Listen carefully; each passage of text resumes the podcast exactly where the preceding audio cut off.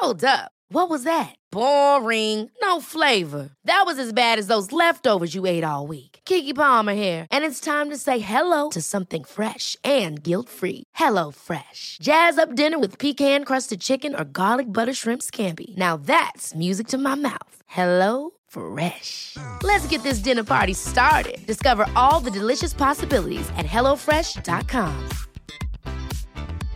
Imagine the softest sheets you've ever felt. Now imagine them getting even softer over time. That's what you'll feel with Bowl and Branch's organic cotton sheets. In a recent customer survey, 96% replied that Bowl and Branch sheets get softer with every wash. Start getting your best night's sleep in these sheets that get softer and softer for years to come. Try their sheets with a 30-night guarantee. Plus, get 15% off your first order at bowlandbranch.com. Code BUTTERY. Exclusions apply. See site for details. Quality sleep is essential. That's why the Sleep Number Smart Bed is designed for your ever evolving sleep needs. Need a bed that's firmer or softer on either side? Helps you sleep at a comfortable temperature? Sleep Number Smart Beds let you individualize your comfort so you sleep better together. JD Power ranks Sleep Number number 1 in customer satisfaction with mattresses purchased in-store. And now, save 50% on the Sleep Number limited edition Smart Bed for a limited time. For JD Power 2023 award information, visit jdpower.com/awards. Only at a Sleep Number store or sleepnumber.com. I always get the feeling when lesbians are looking at me, they're thinking, that's why I'm not a heterosexual.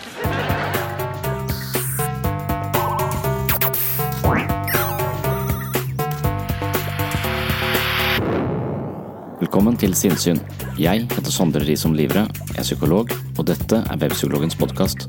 Hverdagspsykologi for fagfolk og folk flest.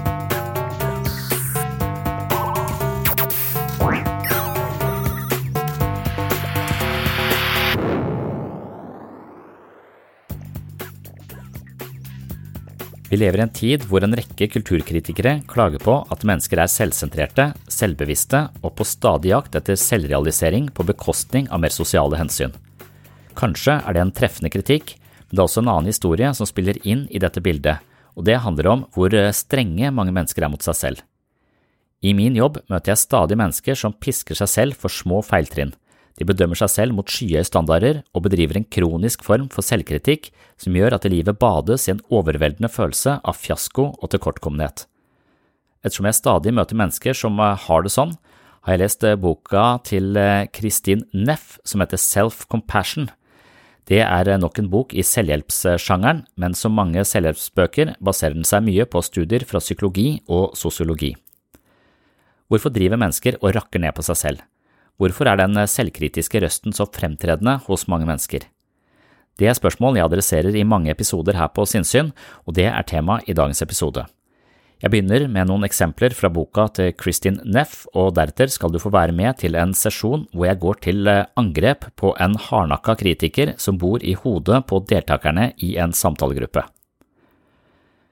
I boken som heter Self-Compassion fokuserer forfatteren på hvordan våre indre kritiske stemmer reflekterer våre tidligste relasjoner til foreldre, lærere, venner og bekjente.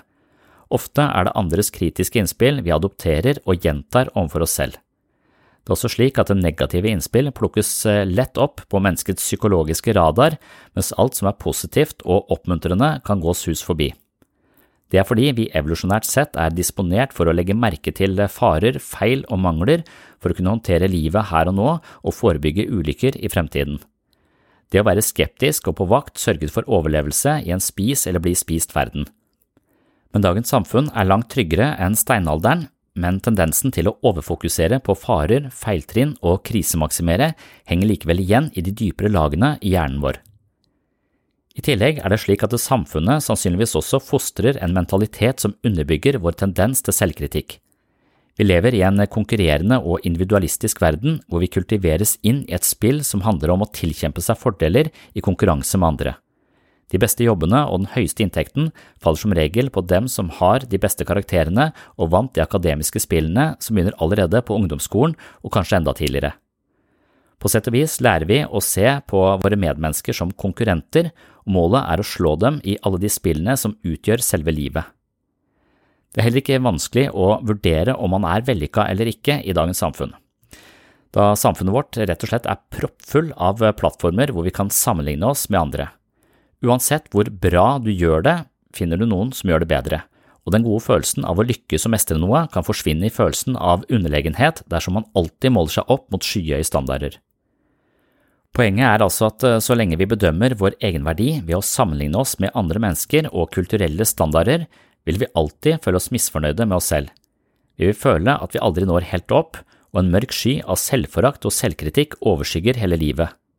Dette er en uhyre vanlig livsfelle som sørger for å slukke enhver livsgnist og strupe enhver følelse av stolthet, velbehag, takknemlighet og ikke minst vår evne til å nyte livet. Selvkritikken gjør oss dessuten tiltagende selvsentrerte, noe som gjør at vi ender opp i en verden av mennesker som konkurrerer på bekostning av gode relasjoner og samarbeid, og alle går rundt i sin egen lille boble av misnøye, tvil og usikkerhet.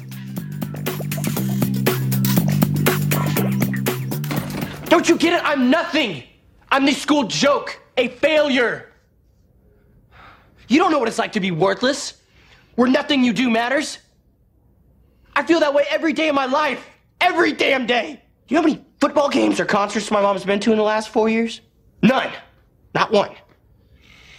My dad's been AWOL since I was 10 years old, which is fine because all he ever did was tell me I was garbage. And he must be really proud of himself because that's exactly how I turned out. I'm sorry. I'm sorry. Come here. It's okay. I'm sorry. I'm sorry. You know, you and me, we're badasses. Nobody thinks anything hurts us, but it does.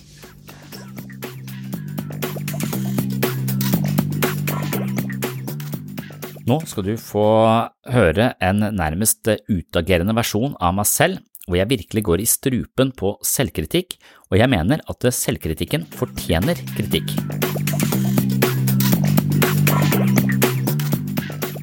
Sånn, sånn sett at det å feile er kjempeviktig, og noe vi bør kalkulere med, fordi at det er en vesentlig del av veien mot å mestre noe.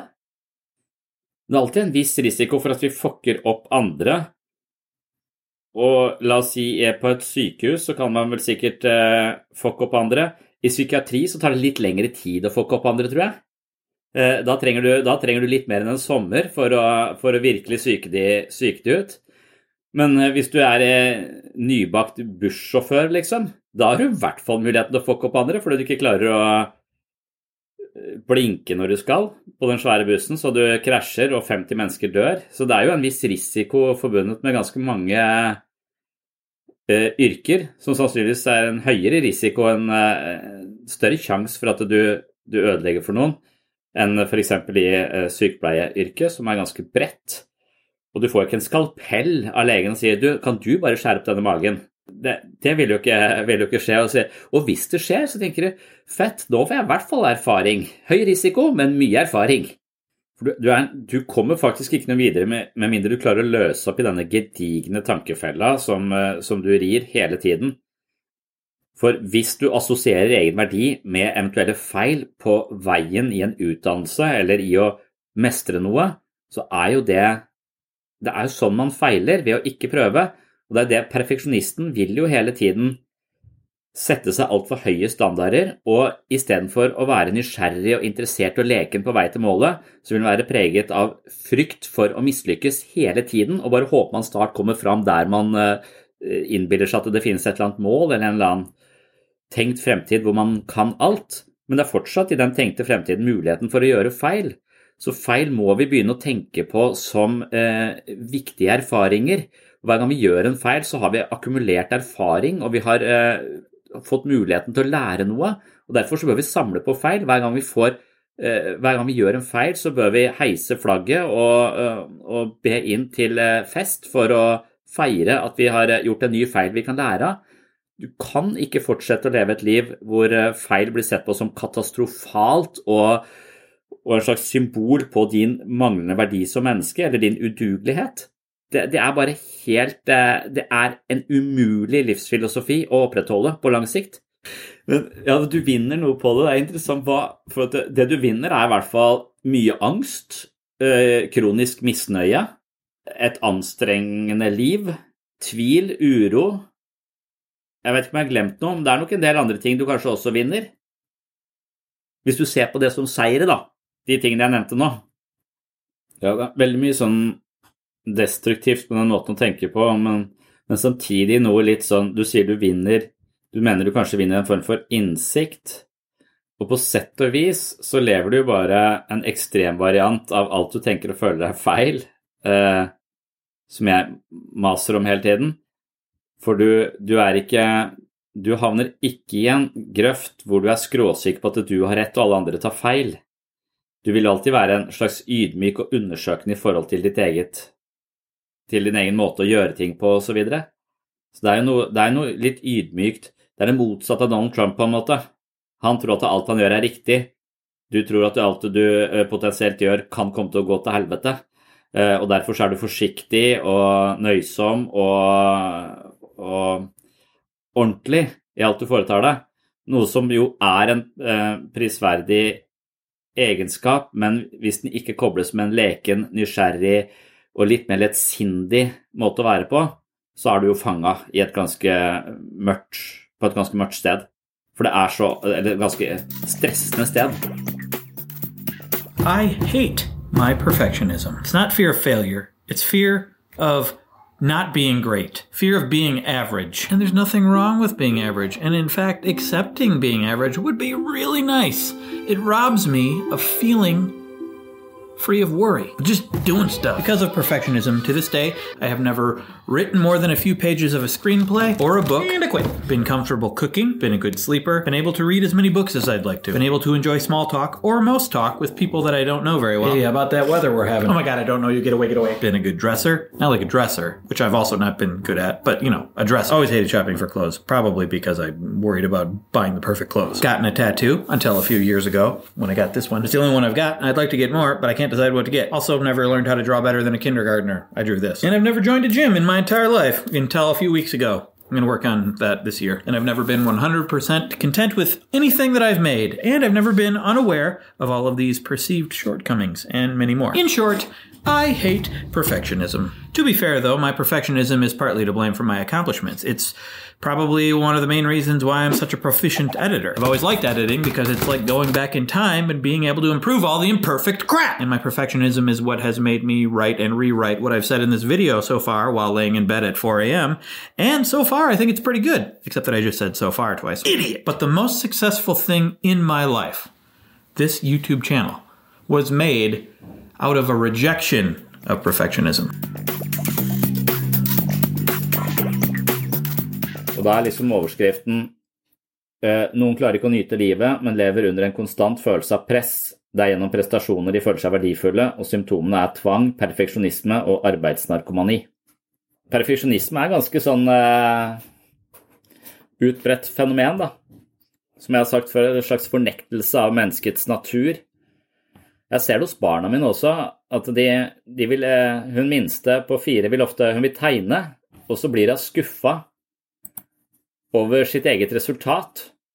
For hun ser hvordan folk Hun ser liksom tegninger, og så ser hun hvordan de ser ut, og så ser hun at de er jo ganske fine, og så tegner hun selv, og så blir det liksom ikke i nærheten av det hun eh, hadde forestilt seg, da. Og da blir hun forbanna, og så krøller av papiret, og så kaster hun, og så vil hun ikke tegne mer. Imagine the softest sheets you've ever felt. Now imagine them getting even softer over time. That's what you'll feel with Bowl and Branch's organic cotton sheets. In a recent customer survey, 96% replied that Bowl and Branch sheets get softer with every wash. Start getting your best night's sleep in these sheets that get softer and softer for years to come. Try their sheets with a 30-night guarantee. Plus, get 15% off your first order at bowlandbranch.com. Code BUTTERY. Exclusions apply. See site for details. Hold up. What was that? Boring. No flavor. That was as bad as those leftovers you ate all week. Kiki Palmer here, and it's time to say hello to something fresh and guilt-free. Hello Fresh. Jazz up dinner with pecan-crusted chicken or garlic butter shrimp scampi. Now that's music to my mouth. Hello Fresh. Let's get this dinner party started. Discover all the delicious possibilities at hellofresh.com. Millions of people have lost weight with personalized plans from Noom, like Evan, who can't stand salads and still lost 50 pounds. Salads, generally, for most people, are the easy button, right? For me, that wasn't an option. I never really was a salad guy. That's just not who I am. But Noom worked for me. Get your personalized plan today at Noom.com. Real Noom user compensated to provide their story. In four weeks, the typical Noom user can expect to lose one to two pounds per week. Individual results may vary. Så det er litt, litt den samme eh, manglende anerkjennelse av hvordan eh, vekst foregår, da. Du blir jo ikke eh, dritbra med en gang. Det er jo hele tiden fra dårlig til middelmodig, og så middelmodig i mange år, og så litt over middels, og så eventuelt kjempegod hvis du holder på over lang tid.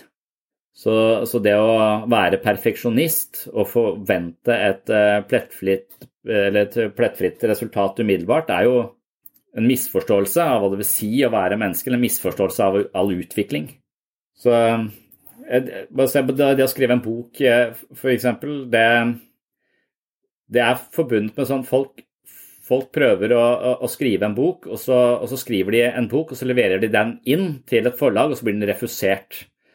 Eh, og det tror jeg er fordi at det å skrive en bok, det å skrive en bok som faktisk er verdt å gi ut, det krever at man har skrevet 50 bøker. Så det er bok nummer 51 som er god nok. Du kan ikke forvente å skrive en bok, og den første boka du skriver, er en bra bok. Du må forvente at det er en ganske middelmodig eh, bok. Og det tror jeg ikke Der tror jeg det er mange som stopper opp. Jeg tror det er mange som har ett manus. Og det er litt sånn håpløst å skulle bli forfatter da, hvis, eh, hvis du ser for deg først med å skrive 50 bøker som ingen skal lese. Man må kanskje ikke tenke sånn man kan skrive igjen, så kan man drive og bearbeide det manuset eh, hele tiden. Men det å bli eh, refusert første gang betyr ikke at du nødvendigvis er en, er en dårlig forfatter. Eh, det betyr bare at du er en utrent forfatter. Og det, det der er litt forskjell på det man kaller intern og ekstern locus of control. Så det kommer jo helt an på hvordan man tolker nederlag. Og langt de fleste av oss har en sånn er sånn generalister på det med at vi generaliserer eh, fiasko og tilskriver det mer eller mindre iboende egenskaper ved oss selv, da, istedenfor å tilskrive fiasko ytre omstendigheter. Mangel på trening, eh, ikke optimale forhold. Altså at du, du, kan, du kan forklare et nederlag Eh, som noe som skyldes eh, din manglende verdi og inkompetanse som menneske, eller du kan forklare det i kraft av eh, ulike omstendigheter som ikke var tilrettelagt for at du skulle kunne lykkes i den situasjonen. Så noen kaller det sånn internalisert selvkritikk. Så når man jeg får aldri ting til, det er typisk meg, sånne ting. Man smører det utover hele seg selv som person. Uh, Istedenfor å, å spesifisere og heller gå litt mer i detaljene. Hva er det som gjør at det ikke lykkes i denne, uh, i denne situasjonen? Man hopper bare over all, alt det og tilskriver seg selv som menneske. Det er den interne locus of control. Så har noen en ekstern locus of control, som også kan bli litt sånn feilaktig. Altså at de, uansett hva som skjer, så er det ytre omstendigheter. Det er, det er noe de ikke det, handler ikke om dem selv, men det handler om jeg mener at Simen Agdestein er litt sånn eh, Det er eh, han, den gamle treneren til Magnus Carlsen. Han spiller av og til turneringer, eh, og hvis, det, hvis han ikke vinner, så er det fordi han er forkjøla, fordi han har sovet dårlig, fordi stolen var for hard. Altså, han har ekstremt mange forklaringer på hvorfor han taper i sjakk. da. Uh, og så, så det, det, ser jeg på som sånn kjempe det, det, går aldri spesielt inn på da, de tapa, for det er jo ting han ikke kunne kontrollere. altså Det var, var, så hard seng på det hotellet, og da var det umulig å sove, så var det trekk. Uh, og når han ikke får sove, så kan man ikke forvente at han spiller, uh, spiller bra sjakk heller, ikke sant. Så, så, han legger det på ytre, ytre, omstendigheter. Det er vel det at, at enhver enkeltstående forklaring på en situasjon vil være aldri liksom fange hele situasjonen, da. Så det, det, kan godt være, det vil være en fornektelse av at han begynner å bli eldre. Han er ganske han er oppe i åra. Han kan ikke forvente at hjernen fungerer like kjapt som den kanskje gjorde da han var i 20-åra. Det kan hende han ikke har trent nok. så Det kan være mange, mange faktorer som sørger for at han ikke er i toppsjiktet når det gjelder sjakk lenger. Så, og mange av de, kanskje det med alderdom f.eks., vil være noe han ja, på, langt på vei fornekte, som en slags underliggende dødsangst, kanskje. ikke sant? Det, jo, jeg ser liksom det på dattera mi, at hun driver og vakler mellom Når, når hun på en måte mislykkes, så vakler hun mellom å si jeg er ikke god, jeg får det ikke til, og så kaste arket, som er den der interne eh, selvkritikken. En internalisert selvkritikk. Jeg er ikke bra nok som menneske, menneske på en måte. Eh, kontra den du skumpa meg, så, eh, så, så, det ble ikke fint. Du rugger i bordet, så, så jeg får ikke tegna. Altså at hun kan legge det på ytre omstendigheter som forklarer at resultatet ikke ble sånn som hun hadde forventa. Men, men, i en sånn situasjon så er det jo Det er der pedagogikk kommer inn. da, at vi skal, skal, vi skal Pedagogikk er vel bare å finne en farbar vei mellom å være dårlig og god på noe.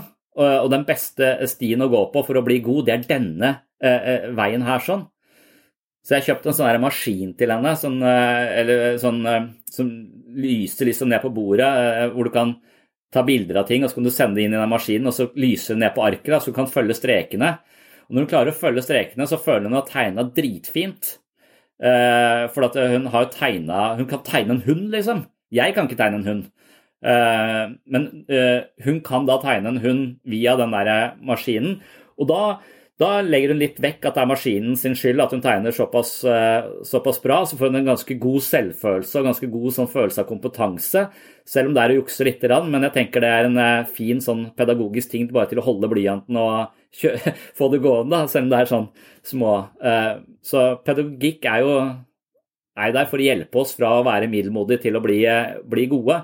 Og Hvis vi da forventer å være gode med en gang, eller ikke gidder å gjøre ting fordi vi ikke er eh, bra, så er det rett og slett at vi avskriver all form for pedagogikk i vårt eget liv, eller utvikling. Det er kanskje fordi vi grunnleggende sett da misforstår vår egen verdi som menneske, som er så uhyre vanlig. Vi misforstår, vi tror at eh, hvorvidt vi lykkes eh, som sjakkspiller, eh, er eh, et direkte eh, refleksjon av eh, vårt intellekt og vår eh, iboende IQ som person. Og hvis vi taper, så mister vi den typen, typen verdi, og derfor er risikoen så høy. Istedenfor å tenke at dette handler kun om erfaring, jeg må bare trene og trene og trene. og trene. Altså, skriving handler om å skrive og skrive og skrive og skrive. Ja, ok, så, så, For det er litt den der Vi, vi kan egentlig ikke da ta æren for uh, for noe som helst. Eh, og spesielt ikke ting som vi eh, klarer umiddelbart. Hvis vi er naturtalenter på, på noe, så er det noe vi egentlig ikke Du bør kanskje være mer stolt hvis du er i utgangspunktet helt elendig på snowboard, men eh, orker å bruke hundrevis av timer i bakken som talentløs, for så langsomt klare å finne balansen. At det er der stoltheten burde ligge det er, det er, mer grunn til å være stolt over det enn å, enn å ta på seg brettet og bare finne det som om man er født med brett på beina. Um, ja, man er stolt av at man har eh, holdt ut å forsere hinder, at man har løst problemer, at man har eh, utviklet seg, at man, at man har vokst, og at man har lagt inn den innsatsen som skal til for å vokse. Og det å være perfeksjonist det handler om at man ikke gidder å legge inn den tiden som skal til for å, for å vokse. Så ofte så, så, gjør man ingenting fordi man eh, Eller ekstreme perfeksjonister, de, de, gjør jo ikke Altså, de unngår å gjøre ting fordi de, ikke, de vet at resultatet ikke kan bli perfekt. Hvis det ikke blir perfekt, så gidder jeg ikke. Men så er det også de som, som har denne kroniske selv, selvkritikken som, som, aldri blir ferdig med ting og, og perfeksjonerer og perfeksjonerer og perfeksjonerer. og Eh, og det eneste det fører til, er vel at du, du kan bli ganske god du kan bli eh, ganske flink, men du vil aldri føle noe glede ved eh, resultatene. Du vil alltid føle at det kunne vært bedre. Og det er veldig få ting som er perfekte, som ikke kunne vært, vært bedre.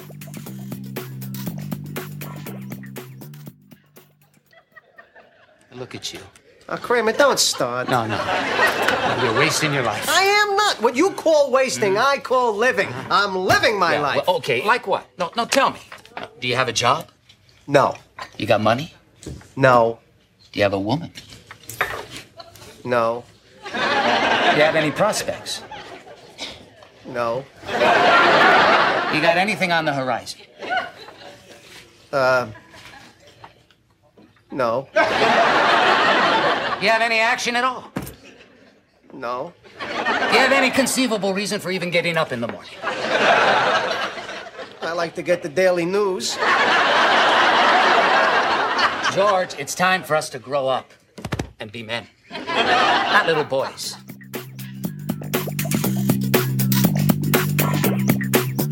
Dagens episode skraper kun i overflaten på selvkritikkens og perfeksjonismens forbannelser. Vil du høre mer om dette, har jeg laget en timeslang episode på patron.com for segs sinnssyn. På min Patron-side, som jeg også kaller mitt mentale treningsstudio, finner du en episode som nettopp heter Perfeksjonismens forbannelser, og det er, så vidt jeg kan huske, episode 30. I tillegg finner du nærmere 100 andre poster fra denne podkasten. Vil du ha mer sinnssyn hver måned, kan du altså gå til min Patron-side. Her finner du masse eksklusivt materiale. Her er det flere episoder av sinnssyn, mentale øvelser, mye videomateriale, og jeg leser bøkene mine kapittel for kapittel, slik at Patron til slutt huser lydbokversjonen av mine tre bøker. Hvis du finner verdi her på sinnssyn, vil ha mer sinnssyn hver måned og har lyst til å støtte prosjektet slik at jeg kan holde hjula i gang her på podkasten, er et abonnement på Patron av stor betydning for denne podkasten. Du kan selv velge beløp per måned, og beløpet vil altså gi deg et medlemskap på mitt såkalte mentale treningsstudio. Jeg vil også benytte anledningen nå til å takke alle dere som allerede er Patron-supportere. Det er lyttere som dere som sørger for at lyset er på her inne på sinnssyn uke etter uke, måned etter måned år etter år.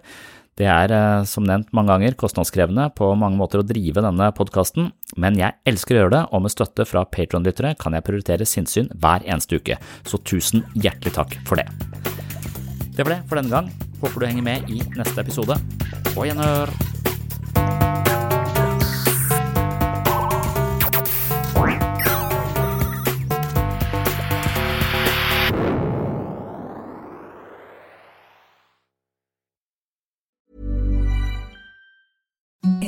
The softest sheets you've ever felt. Now imagine them getting even softer over time. That's what you'll feel with Bowl and Branch's organic cotton sheets. In a recent customer survey, 96% replied that Bowl and Branch sheets get softer with every wash. Start getting your best night's sleep in these sheets that get softer and softer for years to come. Try their sheets with a 30-night guarantee. Plus, get 15% off your first order at bowlandbranch.com. Code BUTTERY. Exclusions apply. See site for details. Hold up. What was that? Boring. No flavor. That was as bad as those leftovers you ate all week. Kiki Palmer here, and it's time to say hello to something fresh and guilt-free. Hello Fresh. Jazz up dinner with pecan-crusted chicken or garlic butter shrimp scampi. Now that's music to my mouth. Hello Fresh. Let's get this dinner party started. Discover all the delicious possibilities at hellofresh.com. Even when we're on a budget, we still deserve nice things. Quince is a place to scoop up stunning high-end goods for 50 to 80% less than similar brands. They have buttery soft cashmere sweaters starting at $50, luxurious Italian leather bags, and so much more. Plus, Quince only works with factories that use safe, ethical, and responsible manufacturing. Get the high-end goods you'll love without the high price tag with Quince. Go to quince.com/style for free shipping and 365-day returns.